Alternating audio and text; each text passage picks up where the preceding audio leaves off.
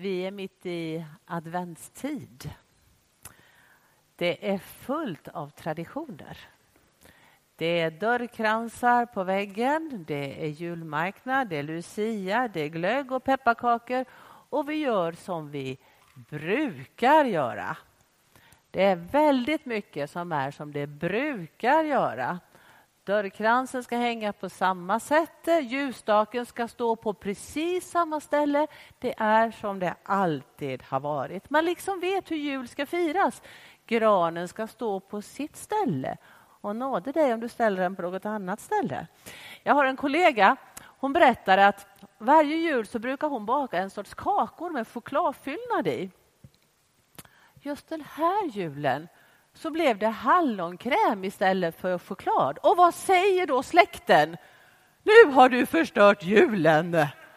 För det var liksom, det var fel. Det skulle vara choklad, inte hallon. Ja, och då tänker jag på allt det här som känns som förutbestämt. Och det ska det handla om idag. Vad som är förutbestämt. För dig och mig kanske. Jag lyssnade på nyheterna häromkvällen. Det var en lärare i Malmö som uttryckte så här. Hon jobbade i ett av problemområdena och så sa hon, det här var en mellanstadieklass. Jag vet vilka av de här barnen det kommer att gå dåligt för. Jag vet redan nu vilka som kommer att hamna i gängkriminalitet. Vilka som har en väldigt tuff framtid. Så sa hon. Alltså man kan man kan forska, man kan se på diagram att människor som bor just där, som har just den och den utbildningen, som har just den och den bakgrunden, så kommer det att gå för den personen. Och det är ju väldigt bra att det finns sådan forskning. Då kan man ju sätta in insatser väldigt tidigt. Det förflutna bestämmer då hur framtiden blir. Men jag vill säga någonting helt annat idag. Och det är egentligen bara det här som jag vill säga idag. Jag hoppas att det kommer upp här. Jag vill säga att det är inte ditt förflutna som bestämmer hur din framtid blir. Och kommer du inte ihåg någonting annat från det som jag ska säga nu så kom i alla fall ihåg det här. Det är inte din bakgrund, det är inte din historia, det är inte ditt förflutna som bestämmer hur din framtid kan bli. För vi tror på Gud. Och Gud säger det finns en framtid och det finns ett hopp för alla. För mellanstadiebarn i Malmö och för dig och för mig. Så är det. Det finns ett bibelord som jag i alla fall ska läsa det står i Galaterbrevet. Jag rycker det fullständigt ur sitt sammanhang. Vi har läst Galaterbrevet i höst och var du inte med då så kan du lyssna på de poddarna så får du hela sammanhanget om Galaterbrevet. Men så här står det i Galaterbrevet 4 och den fjärde versen. När tiden var inne sände Gud sin son född av kvinna och född att stå under lagen för att han skulle friköpa dem som står under lagen och vi får söners rätt när tiden var inne. Det var ju alltså förutbestämt att Gud skulle rädda världen. Det var tänkt ända sedan skapelsens morgon att den där ormen i lustgården, ja, det skulle födas någon som skulle söndertrampa ormens huvud och det skulle vara en jungfru. Alltså det skulle bli en ny chans. En ny chans att återställa allt det där som blev förstört. En gång för alla så skulle synden besegras och människan få en ny chans. Förutbestämt. En mycket, mycket tydlig plan från Gud. Och nu får jag vatten. Tack Eufemia.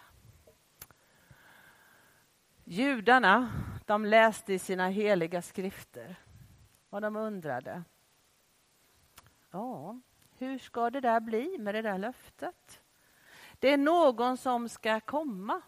Det är ju förutbestämt. Undrar hur det blir och var blir det och när blir det? Det är inte så lätt att tolka profetior. Särskilt inte när. Det är väldigt få som har rätt i sina bedömningar om vad Gud ska göra eller hur han ska göra det eller när han ska göra det. Enklast är kanske ändå någonstans att förstå vad Gud ska göra. Gud tänker rädda världen. Hur? Ja, det är en jungfru som ska föda en son. Nu börjar det bli krångligt. Hur ska det här gå till? Och när? Ja, det är få människor som någonsin har begripit när Gud tänker göra olika saker. Det är nästan omöjligt. Alltså det finns så många profetior i Bibeln som handlar om att Jesus ska komma, att han ska födas i Betlehem, att han ska växa upp i Nasaret. Det finns många sådana här saker. Men det är alltid lättare att tolka i backspegeln än i framrutan. Så jag är nog den som inte vill fälla allt för hårda domar över de här judiska skriftlärde. Att de inte självklart begrep att det är en liten gosse som ska födas i Betlehem av en jungfru som ska bli världens frälsare. Han ska ha en tonårsmamma och han ska, det ska finnas en tonårspojke som ska gå in och axla papparollen. Det kanske inte var så väldigt enkelt att förstå det. Och jag tänker att en sociolog skulle kunna titta på den här händelsen och säga den gossen, han får det svårt. Alltså det är fattigt där han är född och en tonårsmamma. Det är inte så enkelt. Och det är lite lurigt med faderskapet. Hur ska det gå? Ja. Och så måste de fly också till Egypten. Det är inte lätt att vara flyktingbarn alltså. Det är inte det. Han har inget riktigt socialt nätverk. Hur ska det gå för den här gossen? Det går nog illa för honom. Man kan nog förutsäga att det kommer att gå snett för honom i livet. Mm. Vad fel man kan ha när man glömmer Gud. Glömmer Gudfaktorn. Pojken med den tuffa bakgrunden är den som blir vår frälsare. Jag ska ta några fler exempel för att bara nöta in det här. Och Du kan själv gå hem och läsa din bibel och kan du hitta hur många fler exempel som helst. Jag kommer inte att läsa texterna för det är så välkända berättelser. Men vi börjar med Mose. Han skiljs tidigt från sin biologiska familj. Det är ju ett trauma. Så får han växa upp i palatset. Mm. Hans folk förtrycks i landet. Och Mose han har både ett starkt rättspatos och så har han ett alldeles förskräckligt humör. Den kombinationen kan vara lite vansklig ibland. Och det blir ju så illa för Mose att han går och slår ihjäl en egyptier. Och sen måste han ju fly sitt land. Nu är han ju efterlyst som mördare. Och så ska han vara i öknen i 40 år och traska runt där. Jag vet inte hur han tänker om sin framtid. Men jag tänker att han tänker, jag tänker att han tänker, att ja, men här får jag ju gå till mina döddagar.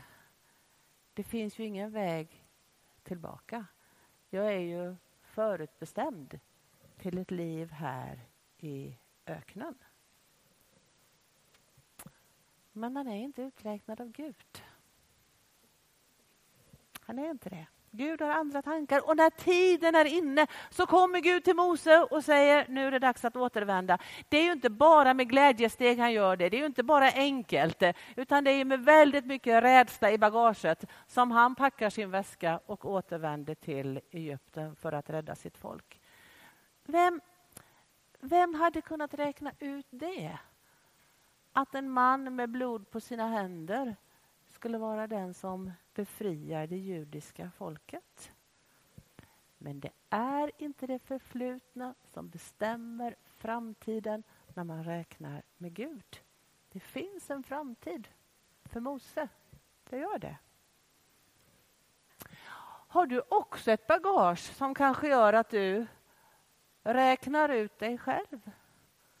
Eller har du någon du kan se runt omkring dig som har ett bagage och du tänker att den där räknar du ut. Just du kan få uppleva att Gud kommer till dig när tiden är inne. Och så ber han dig att eh, göra någonting som du inte hade tänkt. Du är inte dömd till ökenliv. Det finns en framtid och det finns ett hopp. Mm. Vi tar Ester också. En liten föräldralös fattig flicka som lever med sin farbror. Hur kul är det? Vilka släktmiddagar har de, tänker jag. Ester och farbror. Mm. Och vad är det för ett liv som väntar henne? Ja, förmodligen ska hon ta hand om sin farbror. Kanske hittar hon någon annan fattig liten pojke som kan tänka sig att gifta sig med henne. Det är liksom förutbestämt. Så blir det. Och då kan ingen räkna ut att kungen ska bli så less på sin drottning att han skickar iväg henne och säger jag vill ha en ny drottning, leta reda på den vackraste kvinnan i landet. Och inte kan någon räkna ut att när de letar så letar de så grundligt att de går igenom varenda liten gränd och de hittar en liten enkel flicka där som de någonstans ser utvecklingsmöjligheter i. Om hon får bada och klippa håret, få lite fina kläder, få lite smink så kan hon bli någonting. Och så blir det, och så blir hon drottning. Och så får hon en position som gör att hon kan rädda sitt eh, folk. Och det vill jag säga till dig. Gud ser någonting i dig som inte du ser. Gud ser något väldigt vackert, något väldigt fint i dig. Räkna inte ut honom. Rätt som det är så står han framför dig. När tiden är inne. Mm. Så tar vi Paulus. Ja. Av alla i Bibeln så är han väl den som är mest teologiskt skolad som har den mest gedigna judiska utbildningen, som har gått i de finaste skolorna, som kommer från den finaste släkten, som kommer från den finaste familjen, som har de rätta kontakterna. Han har mycket att leva upp till, Paulus. Han är en man som respekteras för sin kunskap, för sin höga moral, för sin fantastiska argumentation. Han kan övertyga vem som helst om vad som helst. Han är verkligen en ledare och någon att eh, se upp till. En man som vill bevara den ju, ju, judiska tron och är beredd att göra mycket för det. Hur kommer det sig att en sådan man som är så väl genomtänkt, som vet vad han tänker, vet vad han tycker, vet vad han tror på hamnar i en fängelsehåla i Filippi för att han har predikat om Jesus? Alltså hur går, den, hur går den resan till inne i hans huvud? Hur kan det vara så att han som förut har varit så rättrogen jude nu skriver sina texter och säger här spelar det ingen roll om någon är jude eller grek, bara man tror på Jesus Kristus. Hur, hur går det till att man blir så förändrad i tanken? Och vad sa hans familj, har jag funderat på. Han var ju liksom förutbestämd till någonting annat. Jesus uppenbarar sig för Paulus. Och det blir en hel omvändning. För det är aldrig det förflutna som avgör hur framtiden ska bli när man räknar med Gud. Det går inte att förutse. Och Det är möjligt att du också har förväntningar ifrån familj och ifrån släkt hur du ska vara, hur du ska tänka, hur du ska tycka. Och förväntningar och släktband kan vara så berikande och det kan vara så bra. Det kan också vara bindande. Och när då Jesus ställer sig framför dig så har du ett val att göra.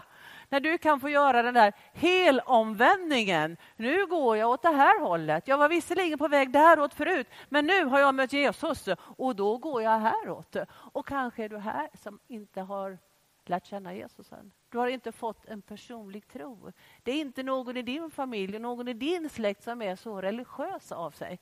Vad skulle hända om helt plötsligt du blir en kristen? Mm. En hel omvändning. Men du förstår, det är inte det förflutna som ska avgöra din framtid. Det är inte vad släkt och familj tänker som ska avgöra åt vilket håll du ska gå. Paulus uttrycker det så här, om någon är i Kristus så är han en ny skapelse. Det gamla är förgånget. Se, något nytt har kommit. Så kan det bli för dig. Mm. Vi tar ett exempel till. Vi tar Rahab. Rahab är ju motpolen till Paulus kan man ju säga. Alltså Paulus är den fina. Rahab är en sköka i Jeriko. Mm. Paulus kan sin teologi på sina fem fingrar, eller på sina tio fingrar. Rahab hon vet ingenting om Gud. Inte något. Hur ser en skökas framtid ut i Jeriko? Ja, jag tror inte att det är så där våldsamt stor skillnad mot en prostituerad i Sverige idag. Det är ganska mörk framtid. Det är svårt att ta sig ur det träsket. Vem skulle kunna anställa Rahab till någonting annat? Eller vem skulle våga gifta sig med henne? Alltså, anseendet är så förstört. Och tankarna om sig själv är så förstört. Det är en sån trasig insida det handlar om. Och så händer det för Rahab att av en händelse, det, det, går väldigt fort i berättelsen, så är det två stycken judiska spejare som kommer springandes förbi och de är förföljda och de behöver någonstans att gömma sig. Och jag vet inte riktigt vad Rahab tänker för det går så fort. Men hon öppnar sin dörr och drar in dem och räddar dem och så stänger hon dörren. Hon hann inte reflektera så mycket, hon hann inte tänka så mycket utan hon, hon bara handlade. Det här måste vara det rätta att göra. Ja. Och när sedan Jeriko intas så är det en familj som blir räddad. Och det är ju Rahab och hennes familj. Hon blir upptagen i den judiska gemenskapen och gifter sig med en judisk man. Och hon blir, nu ska jag se vad det är hon blir. Hon blir farfars mor till kung David. Och i rakt nedstegande liv så blir hon farfars farfars mormors mormors mormor till Jesus. Någonting sådant. Det är ju ingenting som man ens kan fantisera om. Det går ju inte att förutse. Men när man räknar med Gud så är det aldrig det förflutna som avgör framtiden. En spontan handling, till synes inte jättestor, förändrar hela livet för henne. Så var noga med detaljerna. Mm. För det är inte du som vet vad som är stort och smått. Det är inte du som vet vad som är en detalj. Det kan vara riktigt, riktigt stort i Guds ögon. Ja, det där var några exempel ifrån Bibeln. Då vänder vi blicken mot oss själva och våra egna liv. Alltså, vad ser du i framrutan för ditt eget liv? Var du ska bo någonstans, var du ska jobba, hur du ska vara. Vad tänker du om dig själv att det ska bli i framtiden? En sak är väldigt säker. Det är inte ditt förflutna som avgör hur det blir i framtiden. Och det är förmodligen för dig som det är med de här bibliska exemplen. Det är rysligt svårt att räkna ut vad, hur och när Gud kommer att göra någonting. Man kan bli rejält överraskad. Men när tiden är inne så händer det någonting. Och det är klokt att du som kristen har en viss beredskap för att någonting kan hända. Alltså borra inte ner dina tältpluggar allt för djupt. För rätt som det är så kommer Gud. Och då blir det uppbrott. Och då blir det förändring. Och då blir det en annan framtid. Det är ju superläskigt. Och superspännande att leva med honom. Det är inte din bakgrund som bestämmer din framtid. Det är inte din hudfärg som bestämmer hur det ska gå för dig i Sverige. Det är inte din utbildning som avgör hur ditt liv kommer att bli.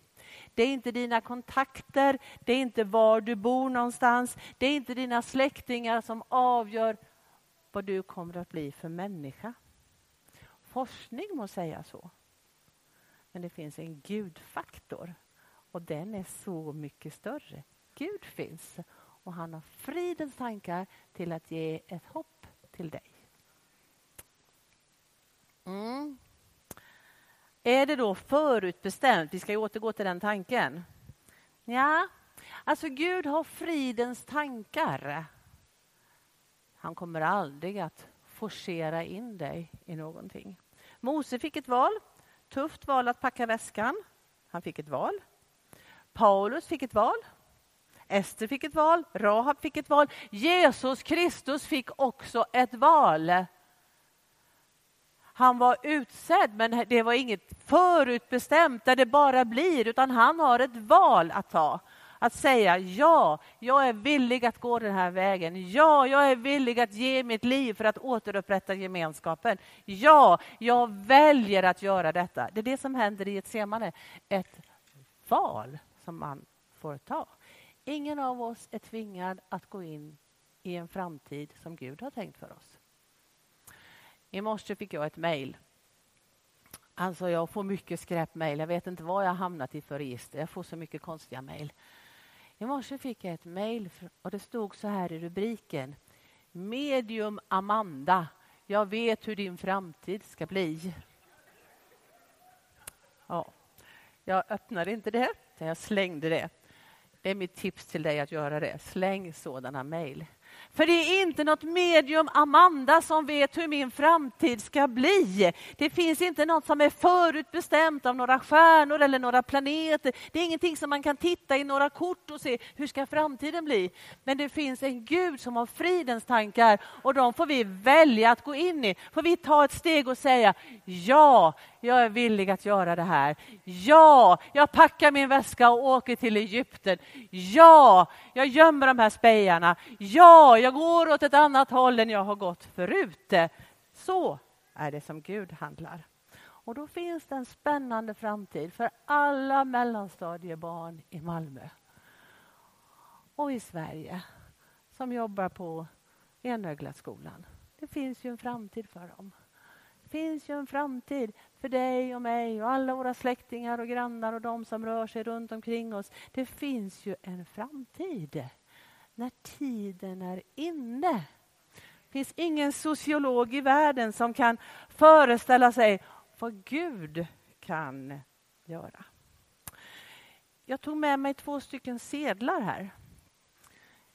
En del använder ju fortfarande pengar i det här landet. Den här är väldigt fin. Det är en 20. Man kan se att det är Astrid Lindgren på den. Den är i princip oanvänd. Den är jättefin. Den här. Ja, kanske om man slätar lite grann så kan man få se att det är Astrid Lindgren. Annars är den rätt så risig. Vet inte riktigt vad den har varit med om. Och då kan man ju fundera på vilken av de här kan jag bäst använda i affären? Och det går ju lika bra med båda två. Eller hur? Mm. För det är inte det förflutna som avgör vad det kan vara till. Alltså den här vet inte jag, den kanske har varit med i någon penningtvätt någonstans. Jag vet inte. Ja. Vet inte vilken sliten börs den har legat i. Nej. Kanske har trampats på marken, kanske en hund som har kissat på den, vad vet jag? Men den är precis lika mycket värd för mig som den här som är så fin och ovikt. Alltså värdet ligger inte i historien. Värdet ligger i vad som kan hända nu. Och då vill jag säga till dig att hur ditt liv än ser ut, vad du har för bakgrund, vad du har gått igenom, vad du har för historia, hur det har varit si eller så med dig, det spelar ingen roll. Därför att vi tror på Gud. Och det är inte historien som avgör hur vår framtid ska bli. För det finns en Gud som har sagt att det finns en framtid och det finns ett hopp och det finns för dig. Och nu ska jag säga amen. Ja.